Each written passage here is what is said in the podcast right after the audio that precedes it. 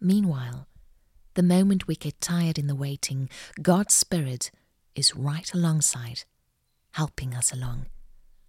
If we don't know how or what to pray, it doesn't matter. He does our praying in and for us, making prayer out of our wordless sighs, our aching groans. He knows us far better than we know ourselves, knows our pregnant condition, and keeps us present before God. That's why we can be so sure that every detail in our lives of love for God is worked into something good. God knew what He was doing from the very beginning. He decided from the outset to shape the lives of those who love Him along the same lines as the life of His Son. The Son stands first in the line of humanity restored. We see the original and intended shape of our lives there in Him. After God made that decision of what His children should be like, He followed it up by calling people by name. After he called them by name, he set them on a solid basis with himself, and then, after getting them established, he stayed with them to the end, gloriously completing what he had begun.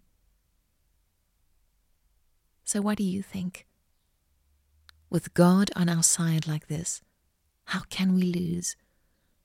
If God didn't hesitate to put everything on the line for us, embracing our condition and exposing himself to the worst by sending his own Son, is there anything else he wouldn't gladly and freely do for us?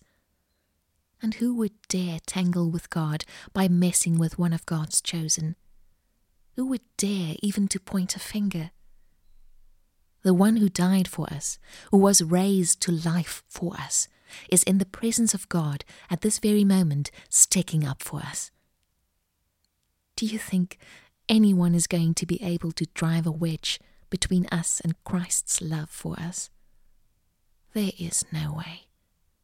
Not trouble, not hard times, not hatred, not hunger, not homelessness, not bullying threats, not backstabbing, not even the worst sins listed in Scripture.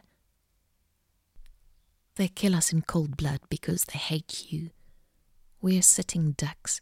They pick us off one by one.